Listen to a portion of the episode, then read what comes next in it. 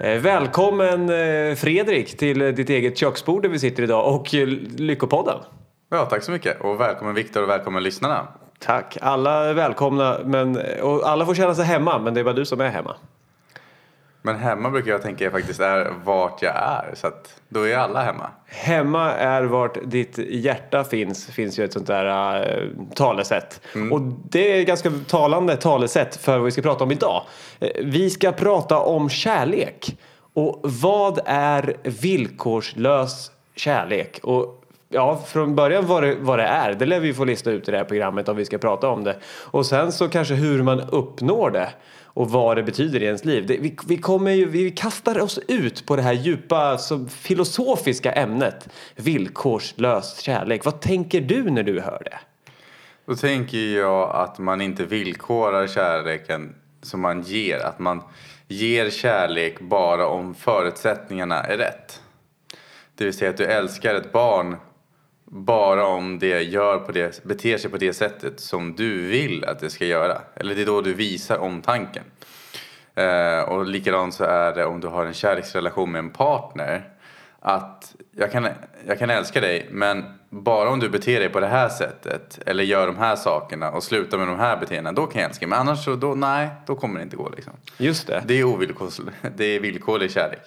Istället tänker jag liksom att du får ha de här misstagen, du får se ut som du gör och du får ha de här beteendena men jag älskar dig ändå. Om det fortfarande är i linje med ens värdegrund så man älskar sig själv. Det vill jag lägga till. Men det, men det är ju eh, ofta när man ska eh, komma fram till vad någonting är så kan en väg att komma fram till det vara att ringa in vad det inte är. Så ibland så här när jag inte vet riktigt vad jag vill så kan jag ibland börja i den änden att okej, men jag vet vad jag inte vill. Och så börjar jag där. Och då skulle man kunna säga då, jag, jag fick upp en bild nu här när du sa eh, villkor. Just det ordet, villkor, att man ställer ett villkor eller jag har den här villkoren för att få igenom det jag vill. Då, då fick jag upp ett kontrakt framför mig. Eh, med en typ eh, Tele2 eller 3 eller alltså en, eh, vilket telefonbolag som helst logga på. Och så har man så här, eh, man ska skriva på ett papper när man ingår ett avtal med sitt eh, telefonbolag exempelvis. Och då så binder man upp sig på en viss tid. 24 månader. Du ska betala så här mycket. Då eh, ingår det här. Och så finns det finstilta saker som de helst inte vill att man ska lägga så mycket vikt vid. För då kanske man ångrar sig. Och så när man väl har skrivit på, då är det så. Det är liksom eh, motsatsen till, till villkorslös kärlek. Där du ska, eh, I det här kontraktet med telefonoperatören så ska du binda upp någon till väldigt specifika villkor. Då får jag lägga till, då har ju i sådana fall Tele2, de har ju slutat med abonnemang, vad heter det, att du kan ha utan abonnemang. Ja, just det. Då är det mer en villkorslös stil. Ja, så Tele2, eller Comviq, jag kommer inte ihåg vilket av dem, har börjat med villkorslös kärlek inom telefoni. Just det, för då kan man när som helst ändra sig. Och det jag tycker är bra idag är inte säkert att, att jag tycker det är bra imorgon. Och då kan jag, då kan jag byta. Tror du det är bra att byta fram och tillbaka då? Telefonabonnemang eller partner eller, eller livsmål eller vad kan det nu vara.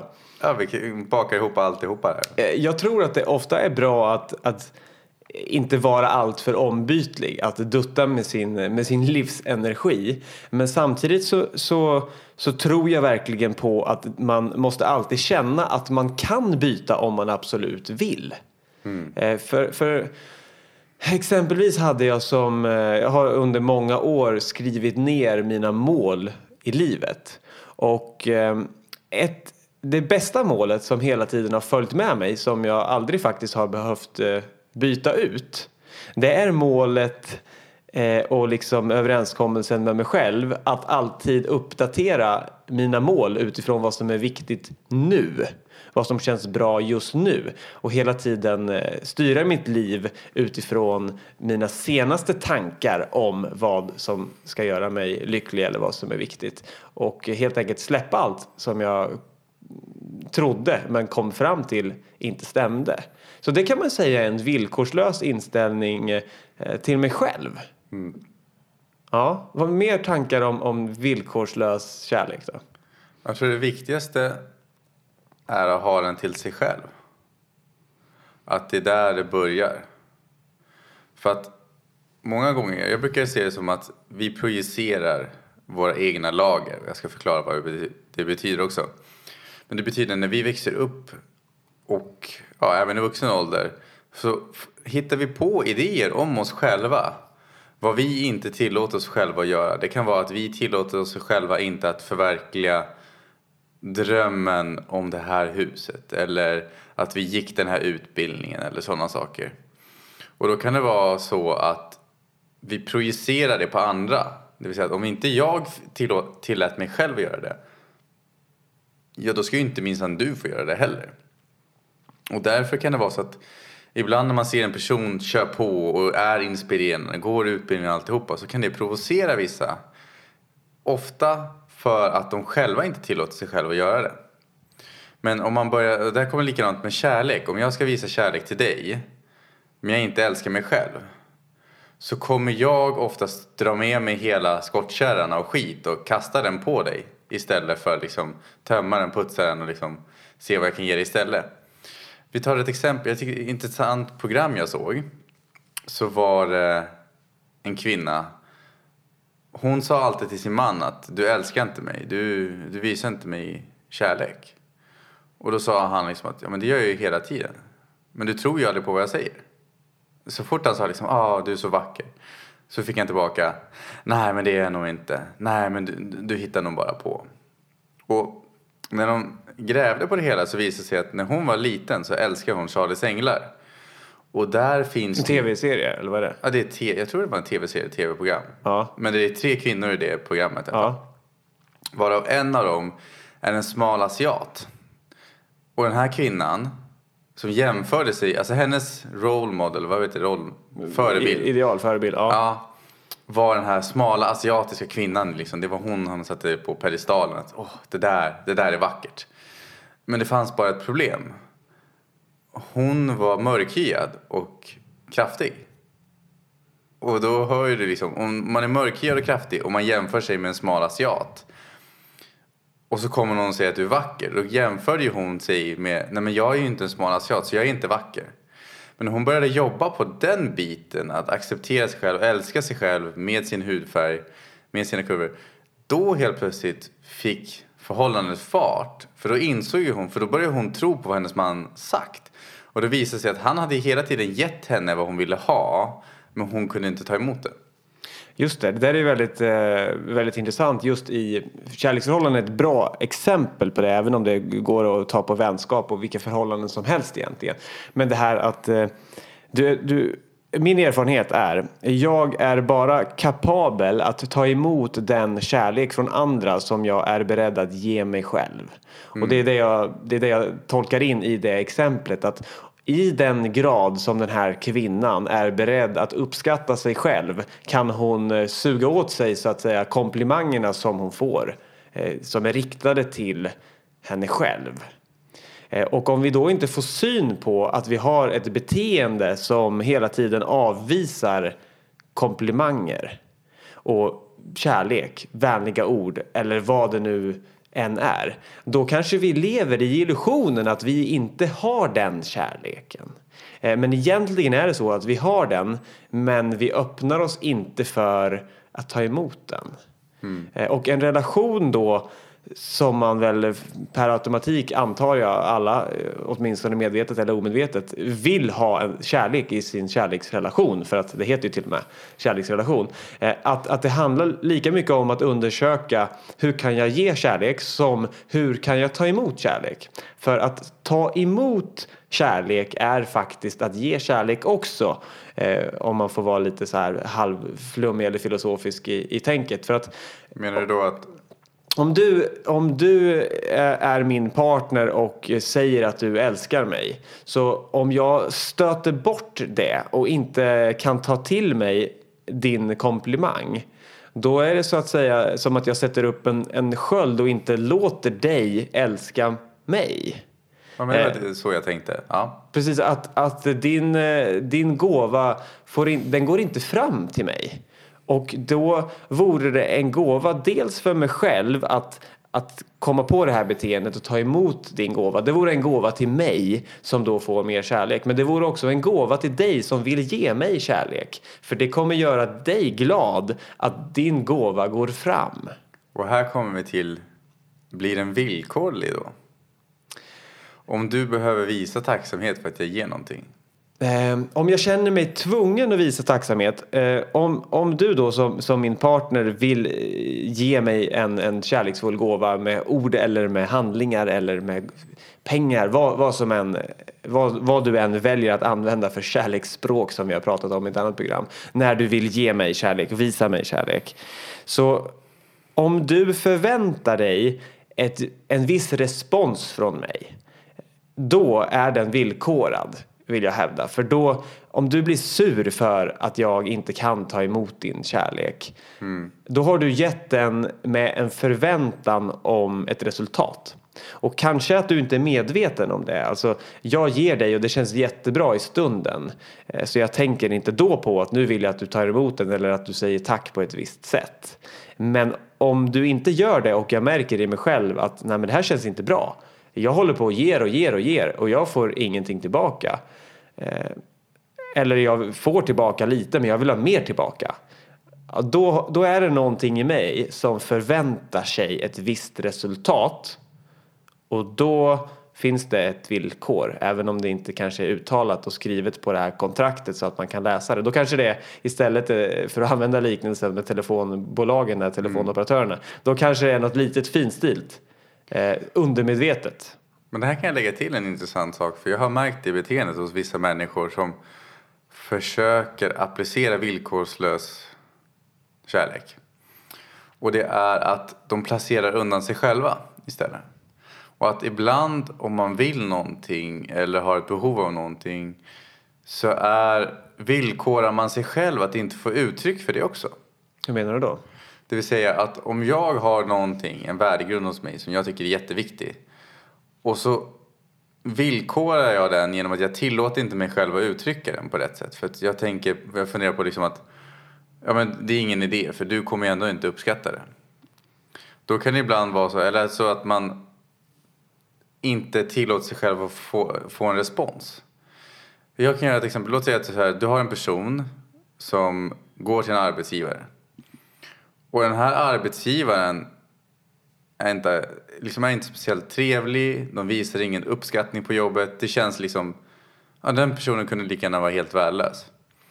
Vad jag syftar på då är att om man älskar sig själv så kan man tillåta de andra att man säger upp sig.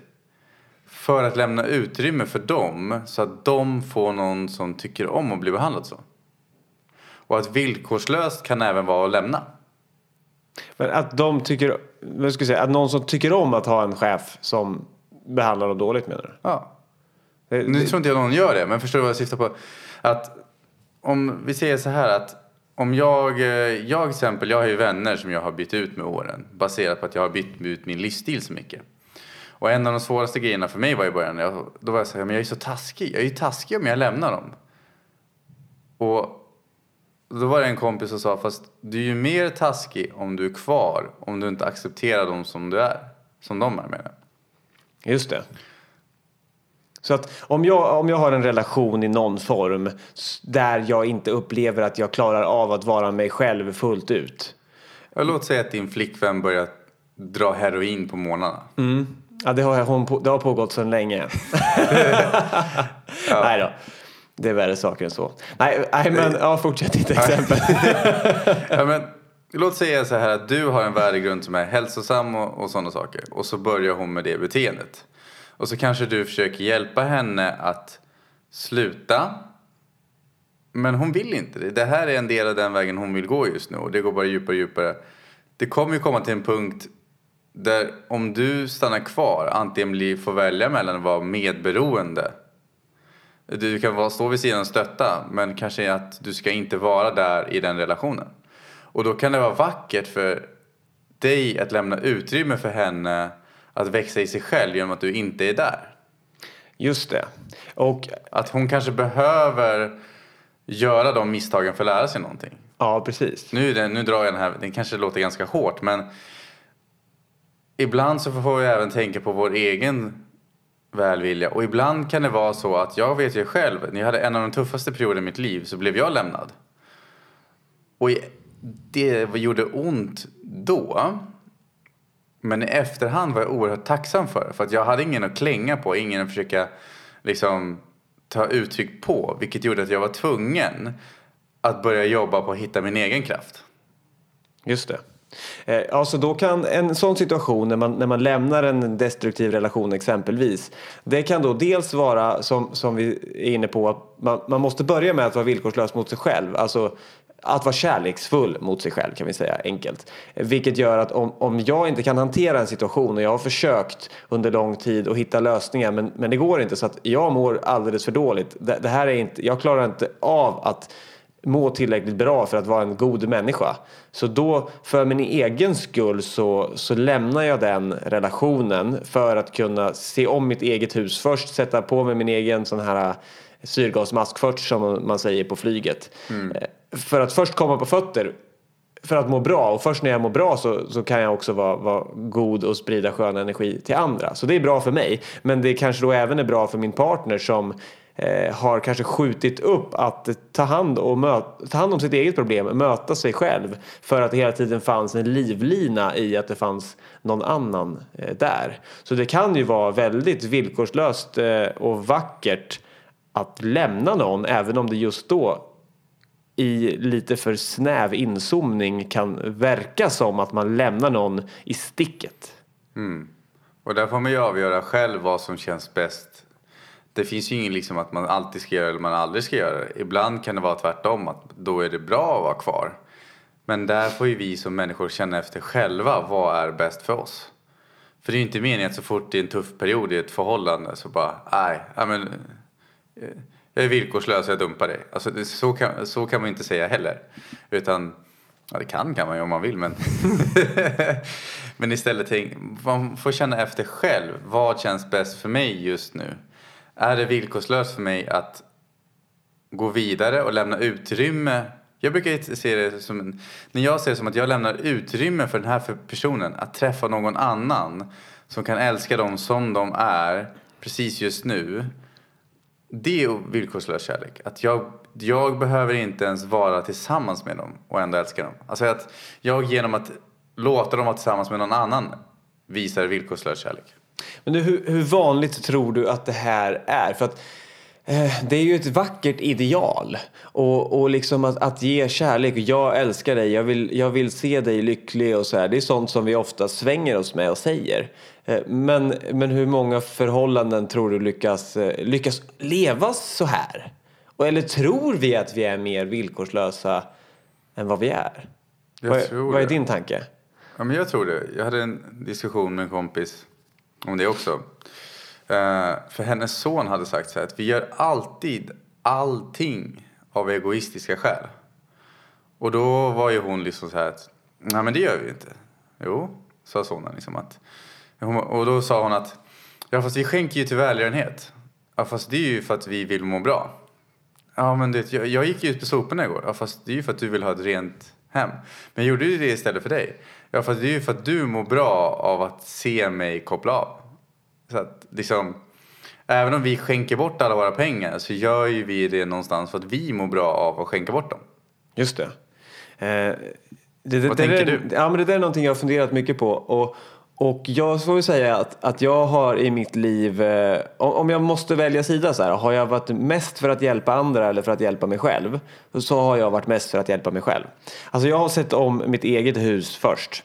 Jag har satt på min egen syrgasmask först. Och eh, först nu på, på senare år så har jag förstått och upptäckt gåvan i att tänka på andra. Att eh, jag mår väldigt bra när jag eh, ger till någon annan istället. Och det kan vara ett praktiskt exempel då eh, på det här, vi har pratat om det i tidigare program, så här, på det här meditationsretreatet när man eh, skulle ta jag var på ett meditationsretreat i, i Sri Lanka och då, då var det mat varje dag förstås. Och det fanns ju en viss mängd mat. Hur, hur ska man då veta om det kommer att räcka till alla? Och då märkte jag så här, men jag, istället för att gå först och ta så mycket jag kan så att jag är säker på att få mat så väntade jag och ställde mig, inte alltid förstås, men ofta sist i kön istället och sen så tog jag så mycket mat som det fanns kvar. Och fanns det då mycket mat, ja då kunde jag ta mycket mat. Men då riskerar inte min, min stora aptit att liksom gå ut över någon annan så att någon annan blev utan. För jag märkte att det hände ibland att, att folk på slutet fick väldigt lite mat. Och då, då kunde jag tänka så här, okej, okay, det här är egentligen mindre mat än vad jag egentligen skulle behöva eller vad jag hade tagit om jag hade fått valt fritt. Men bara den känslan av att veta att det var bättre att jag faktiskt valde att vara en av dem som fick mindre mat mm. än att vara en av dem som i början tog jättemycket på bekostnad av de andra. Det gav mig någon sorts eh, harmoni och, och liksom känslan av att, att ge kärlek och okej, okay, någon av oss kommer få, få ta mindre mat men då gör jag det.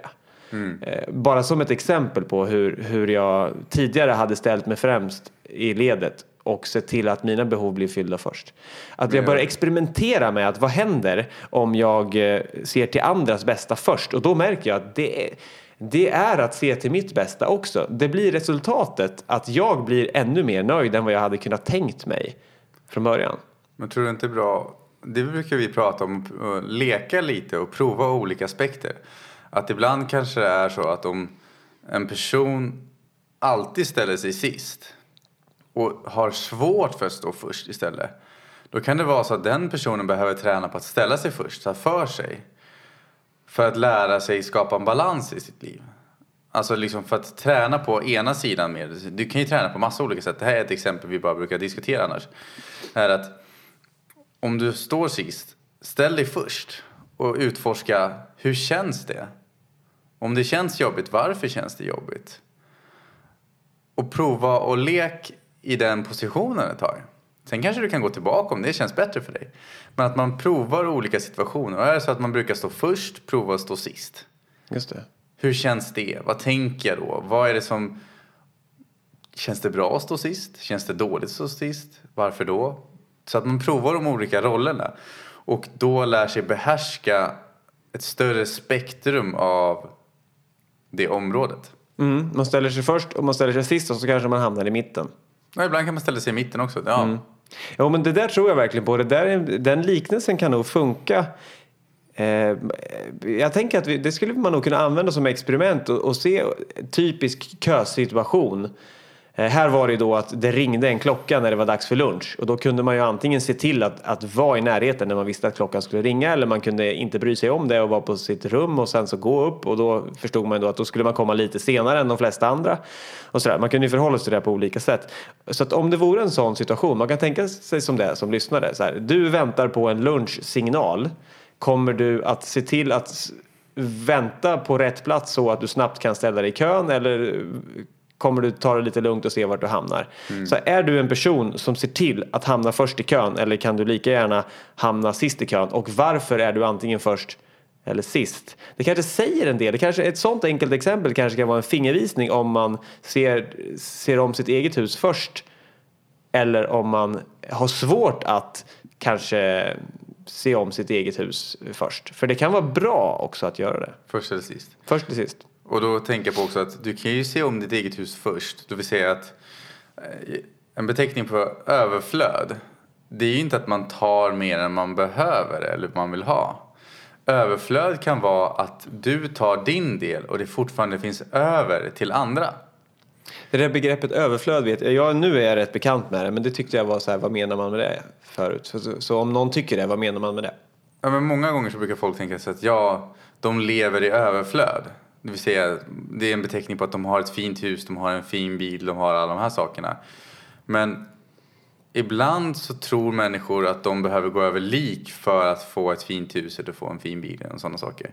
Och nu jämför jag det mer med maten istället. Att även med huset och bilen. Det kan ju vara för att de har bidragit till människors liv så att de andra människorna får leva i överflöd. Tack vare det så kan de ha det så bra. Just men överflöd som något positivt här. Inte att man lever ett övervräkigt liv utan mer ja, så att, att man, man, har det man, man vill och, och har inga problem att skaffa det. Precis, men att man har det man vill men man fortfarande har över till andra. Det vill säga att du kan ställa dig först i kön, ta hand om ditt eget hus.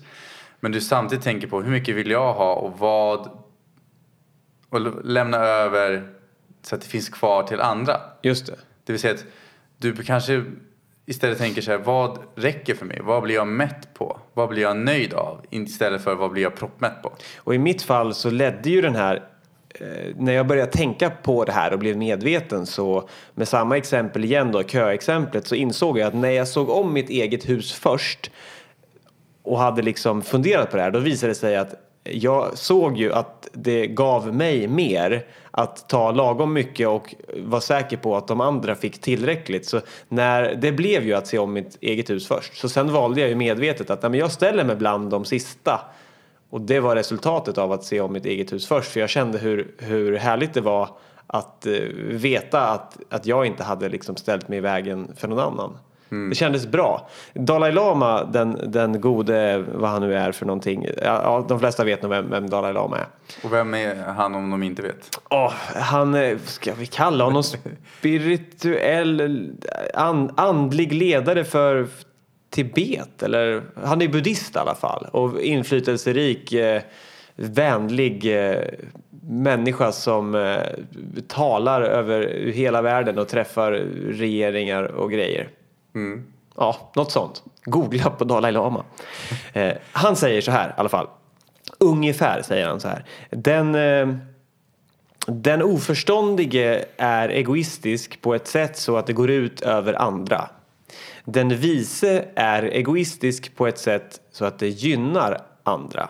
Och det tycker jag eh, det är ett bra sätt att tänka kring det här. Vad är villkorslös kärlek? Och är det så att det finns ingen handling som vi gör, vad ska man säga, det, det, här med att om jag ger någon annan, gör jag det för min egen skull eller inte? Och då, då skulle någon kunna säga så här, ja, men om du ger pengar till den här personen så, så, så är det välgörenhet eller den här personen eller organisationen. Men som i ditt exempel med mamman och sonen. Men du gör det ju för din skull. Ha! Du är egoistisk ändå.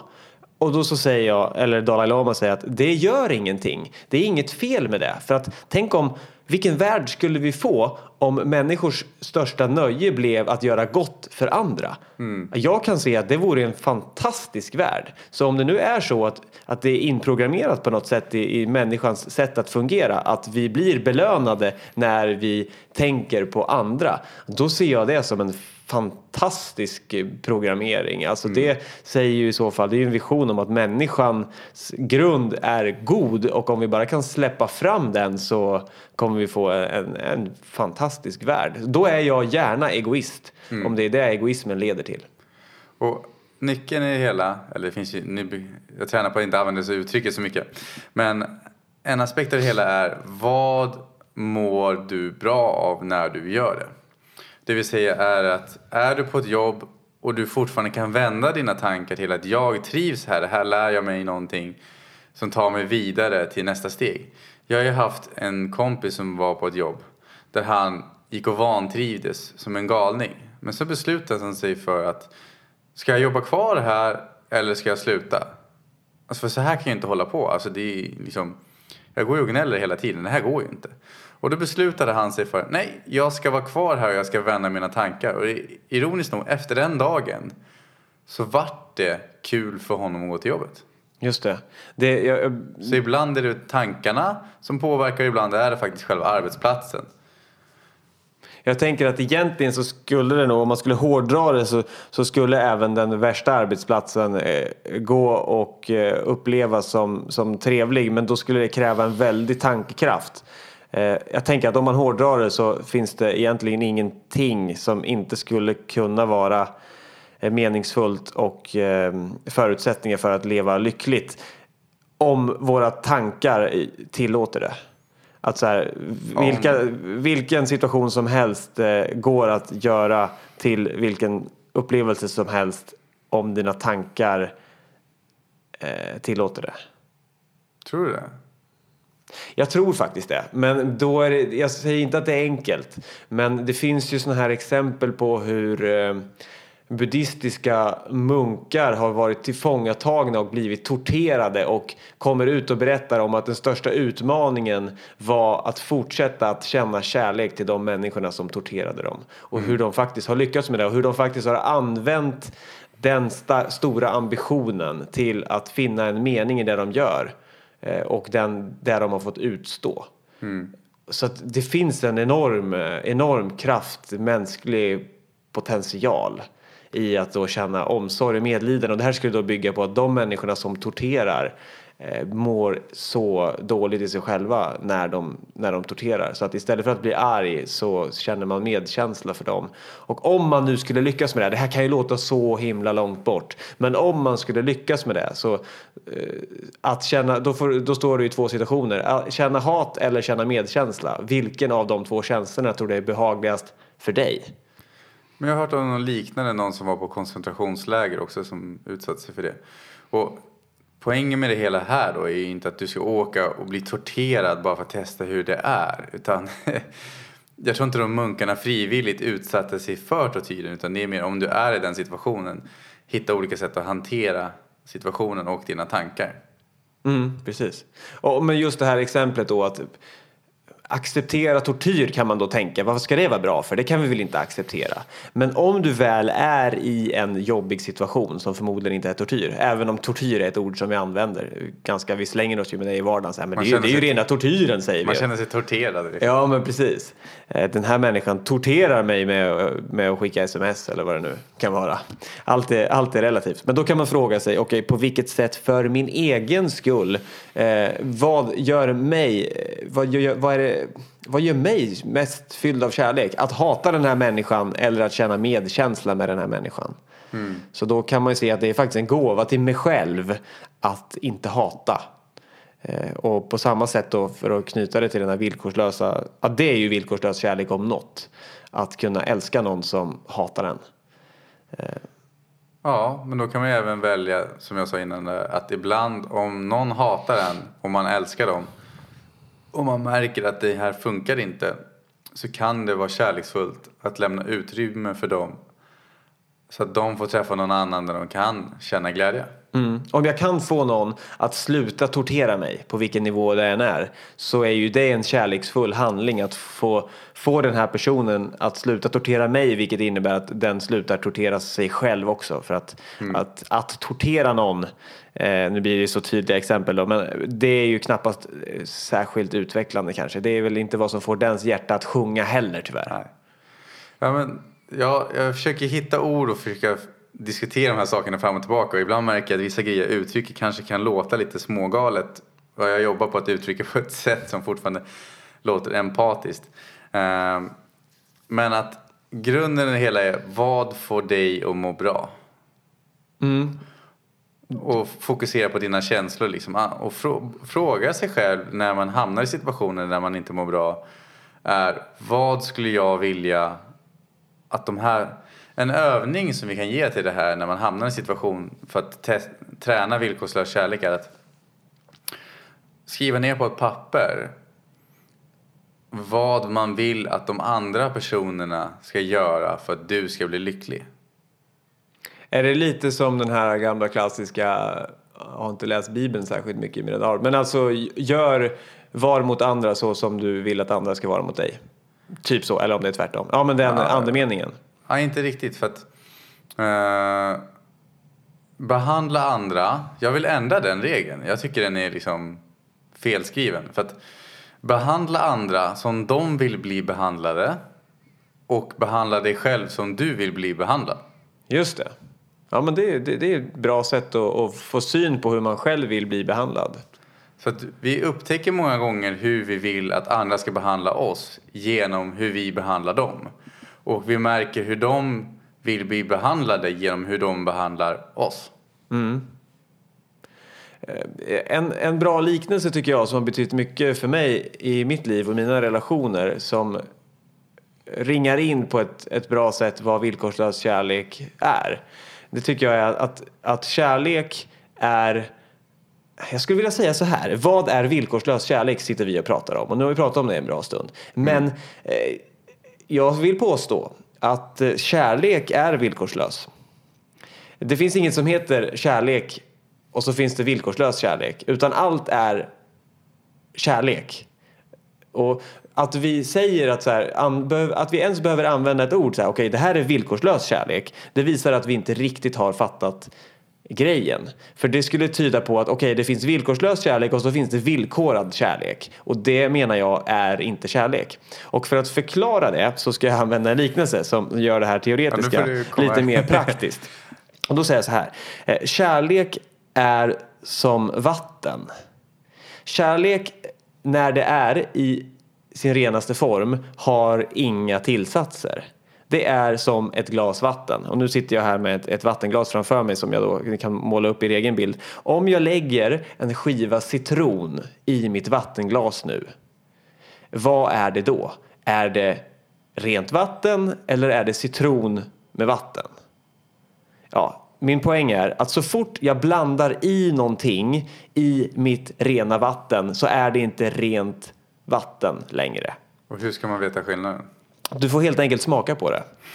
Eh, och rent vatten smakar bara vatten. Du kan inte känna ett uns av citron. Du kan inte känna ett uns av eh, tesmak om du blandar te och vatten som man ju gör. Du kan inte känna någonting annat än vatten. Och vatten vet vi alla hur det smakar för det är liksom grunden för allt vi kan dricka. Och då vet vi kärlek. eh, Här kan jag lägga till ett exempel då. Mm. Ett sätt att veta hur kärlek smakar är att vi mår bra av kärlek. Och det vill säga, är det så att du tror att du ger eller får kärlek men du inte mår bra av det. Då har du lagt citron i vattnet. Precis. Det, det, jag älskar det här exemplet. Kommer från en, en bok av en så indisk ayurveda-läkare, en roman. I det sista regnet, Janusz Vaidya, ett boktips. Säger mig ingenting men ja. Nej, men för, för någon som är nyfiken så kan de googla på det här. Janusz Vaidya, i det sista regnet, tror jag. Ja, googla på det om ni Okej. vill. Hur som helst, med den här liknelsen då. Eh, jag tycker att den är så tydlig, för det så precis som du sa nu, hur ska jag då veta om, om jag är villkorslös i min kärlek? Jo, så fort det inte känns odelat positivt, då finns det någon mer substans än vatten. Då finns det citron i vattnet eller då finns det beska droppar i vattnet eller sura eller söta eller vad som helst. Så fort det inte känns bara bra då är det en till ingrediens med i spelet och då är det inte ren kärlek. Det här känns ju genialiskt. Jag älskar den, eh, den liknelsen. Eh, För att ren kärlek har inga tillsatser och tillsatser då eh, skulle kunna vara en förväntning. En förväntning på hur den kärlek jag ger ska tas emot. En begränsning eller villkor. Jag ger bara det här om jag får det här tillbaka.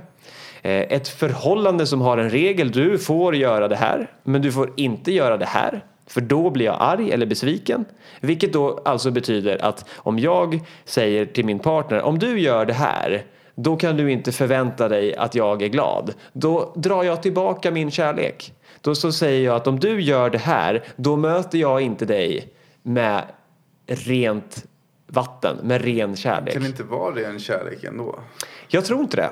Jo men vi kör ett exempel då. Bara för att leka med den här tanken. Jättegärna. Elda Det på. vill säga här att nu, vi, nu är väldigt hårda exempel. Vi har liksom våld, tortyr och misshandel i det här programmet. Men låt säga att du har en kvinna som blir slagen av sin man. Kan vi inte vända på det istället? Ja, För vi den gör är det. så jag tänkte precis Ja. det. Den är så vanlig. En hen som blir slagen av sin hen. Kan vi inte säga så då? Eller? Ja, en ja. hen blev slagen av en hen. Ja. Ja, det här blir löjligt. Ja, en hen blir slagen av en hen. Ja, men det går ju inte. Hur ska man då fördela rollerna? Nej, skitsamma då. Vi, Pelle blev slagen av Göran. Nu blandar vi ihop så istället. Pelle blev var slagen av Göran. korrekta vi är nu. Sandra blev slagen av Eva. Ja, ni fattar poängen. Ja. Okej, Pelle blev slagen av Göran. Och då säger Pelle till Göran. Göran, om du fortsätter slå mig, då kommer jag lämna dig. Och då är ju det villkorslös kärlek för mig. För att person, Pelle kommer må bra, men kanske inte känner sig direkt, men han mår inte bra av att Göran slår honom. Och då är det villkorslöst mot Göran att lämna utrymme för Göran att få växa själv. Inte för kanske för att slå någon annan, men istället för att, för att Göran ska få upptäcka och få märka att det här beteendet han gör inte är gynnsamt. Just det, då finns det ett högre syfte med det och, och han har sagt det här eh, med kärlek som, som grund för sitt beslut. Och Ja. då kommer det att kännas eh, helt bra för Göran eller Pelle eller vem det nu var som, som, det kan- som ställde det här ultimatumet. Och då, då är det villkorslös kärlek. Ja, det kan, men här kan man lägga till att det kanske just i stunden kan det kännas jobbigt att behöva lämna någon. Men är det en sån situation där du, pågår någonting som verkligen är liksom fysisk misshandel och sådana saker. Då kanske man inte ska vara kvar där och tänka att det blir bättre, det kommer ordna sig och sådana saker. Så länge det inte känns bra. Precis, men man skulle då kunna säga att, eh, att den, man är villkorslös mot den personen, vad svårt det var när man inte tog de här Göran och Pelle och man märker att det var mycket lättare när man hade mannen och kvinnan eller kvinnan och mannen för då höll man isär dem lättare. så, nu, så nu säger jag den personen, A eller B eller hur det nu var. Ja. Heh, eh, eh, Nästan så jag tappar bort min, min poäng också. Men om jag är villkorslös i, i mitt agerande så betyder inte det att den människan som jag säger mina, mitt villkorslösa budskap till nödvändigtvis måste bli glad av det. För att jag kan bara ta ansvar för mitt budskap. Och om den personen, om jag i ett förhållande med dig eh, säger så här, eh, om, om du inte slutar slå dig själv, då måste jag lämna dig. För vi kan inte fortsätta så här, det här är inte bra för någon av oss. Då är det inte mitt ansvar hur mycket ren kärlek jag än har som intention. Det är inte mitt ansvarsområde att du tar det här på rätt sätt. Så du skulle kunna svara med ett våldsamt aggressionsutbrott. Och det förändrar inte eh, det faktum att min intention var villkorslös. Kan villkorslös kärlek vara då att de andra runt omkring dig behöver inte må bra? Eh, Du ja, säga så här att du umgås bland människor som... Nu använder jag lite grö... Nu överdriver jag och det känns som jag överdriver halva programmet men det finns ju människor... nu överdrev du. Ja. det finns ju människor som har en situation, jag tror det är lättare att, för mig att uttrycka det och komma ihåg också. Men har man, man har personer i sitt liv som kommer och som går. Det vill säga att folk flyttar, de eh, skaffar familj, andra intressen, hamnar i andra områden. Du kanske flyttar och sådana saker. Och det gör att de närmaste vännerna vi har runt omkring oss, eller partners, partnern, mm, vissa kanske har partners också, men eh, att tänka på när det blir ett utrymme för att någon flyttar, tänka på vem tar jag in? Och på så vis tänka på sig själv. Att fyll inte upp det tomrummet eller utrymmet med någonting som inte gynnar dig, som får dig att må bra. Mm. Jo, för jag tror ju verkligen att överhuvudtaget för att kunna för att kunna ge villkorslöst så måste man må himla bra. Och det är därför som, som jag tycker att eh, mig se att eh, jag är säker på det.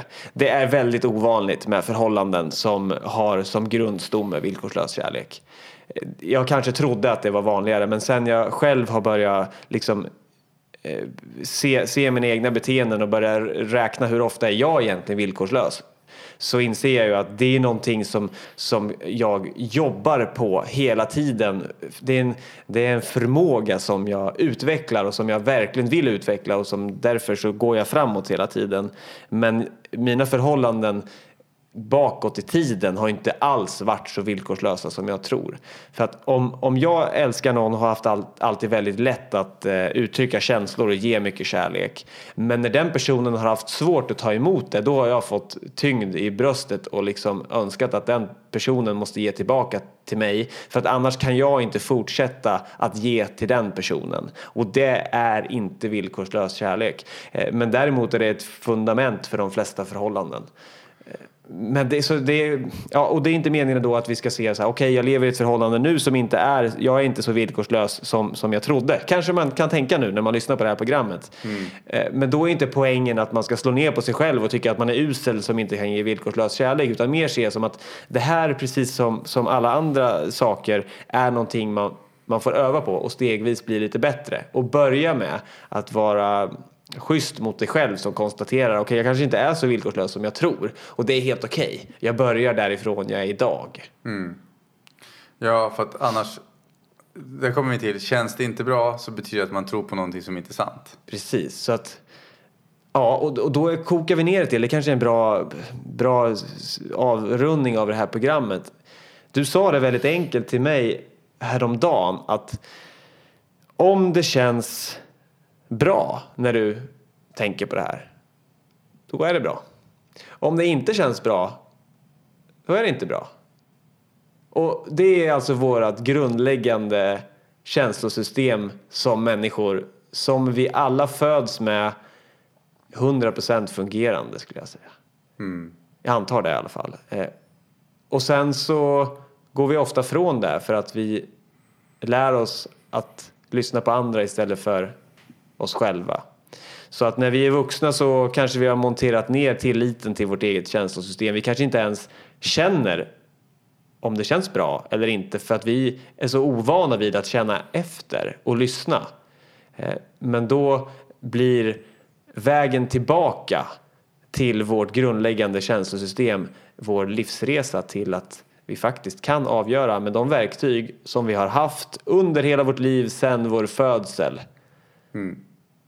Där, där ligger något otroligt värdefullt. Vi vet vad som känns bra och vad som inte känns bra. Och där har vi ett fulländat vägledningssystem i oss själva. Och det viktiga som jag vill lägga till då är det är våra grund, alltså vad vi tänker, vad vi äter, hur vi rör oss. Det är det som påverkar också om det känns bra eller inte. Vi säger att jag hörde en kul historia. Det var en kvinna som ringde sin tjejkompis och bara jag ska skilja mig. Och då hade hon förståelse för att hon hade en nyfödd bebis. Hon hade inte fått sova de närmaste veckorna. Så hennes svar var nej, du behöver gå och lägga dig. Ja. Så hon försökte ta en time-out och då var det bra. Men Hon behövde egentligen bara sömn. Just det. Men nyckeln ligger i att vare sig det inte känns bra är att det behöver inte alltid vara just den saken som triggar att det inte känns bra. Det viktiga är att om det inte känns bra så är det ett tecken från din kropp att det är någonting du gör, tänker eller lever som inte stämmer med hur du vill leva.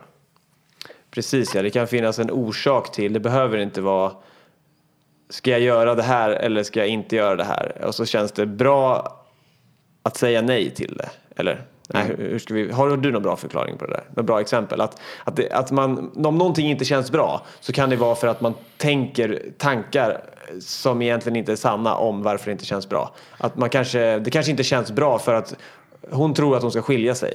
Ja. Men det är egentligen för att hon, för hon har inte sovit, hon är svintrött och det är det som är problemet. Det är Ja. inte hennes relation. Så att om, man, om någonting känns dåligt så kan man undersöka då varför känns det dåligt. Ja, precis. Och då kanske hon kommer fram till sen att eh, nu när jag är pigg igen och kan se klart, det är då jag hör mitt känslosystem och då ställer de frågan igen. Ska jag fortsätta vara i den här relationen eller ska jag inte det? Och då, då känns det bra igen. Och det här är ju en träningsfråga för det är precis som att ibland hör jag människor som säger att min kropp talar om, mig, talar om för mig vad jag ska äta. Och så sitter de samtidigt och trycker i sig en kexchoklad och har hoppat över lunchen. Och då blir det så här, ah, men då, då har du nog misstolkat kroppens signaler. Lite grann. Så det är en träningsfråga också för att lära känna sitt system. För många gånger kanske inte vi har använt det fullt ut på så länge. Att vi har börjat misstolka signalerna. Just det, så att eh, rådet blir lite för enkelt när vi säger känns, känns det bra så är det bra och känns det dåligt så, så är det dåligt. Det blir en grundprincip som jag använder för att sen kan man bygga vidare på den. Man skulle kunna säga så här då, känns det bra så eh, är det förmodligen bra och känns det dåligt så undersök varför det känns dåligt. Det var nästan en, ännu bättre. Och eh, för att göra en, en ordentlig mätning, för att använda ditt eget inre vägledningssystem så behöver du ju ha en grundläggande balans först. För annars är det som att ta fram ett sånt här, vad heter det, sånt här som man mät när man ska sätta upp tavlor på väggen. Lod, man, man, vattenpass. Vattenpass, vattenpass. Eh, om du har ett vattenpass som, som läcker och är snett så litar du inte på det. Du behöver ju först få det att fungera och sen kan du lita på det. Så att därför man behöver ner i den här balansen innan man kan eh, lita på sitt eget känslosystem. Så att därav eh, återupptäcka sitt känslosystem. Och där kommer en av grunderna. Det första är ju att då börja använda vattenpasset så man upptäcker om det funkar eller inte. Precis. Och, och laga det om det läcker. Och så vidare. Lär dig ställa in ditt, ditt vattenpass och sen litar du på det. Så vi avrundar väl det här programmet med att säga att känn efter, känns det bra, fortsätt på det. Känns det inte bra, undersök varför. Och så får jag tacka för oss den här gången. Ja, eh, rent vatten, det, det är min liknelse som jag vill att, att den bjud, Om någon tar med sig liknelsen om rent vatten eh, så, så gärna det alltså. Och smakar det citronvatten så är det värt att undersöka. Precis, nu ska jag ta en klunk. Ingen Okej. citron, rent vatten. Tack för idag! Tack för idag. Hej då. Hej då.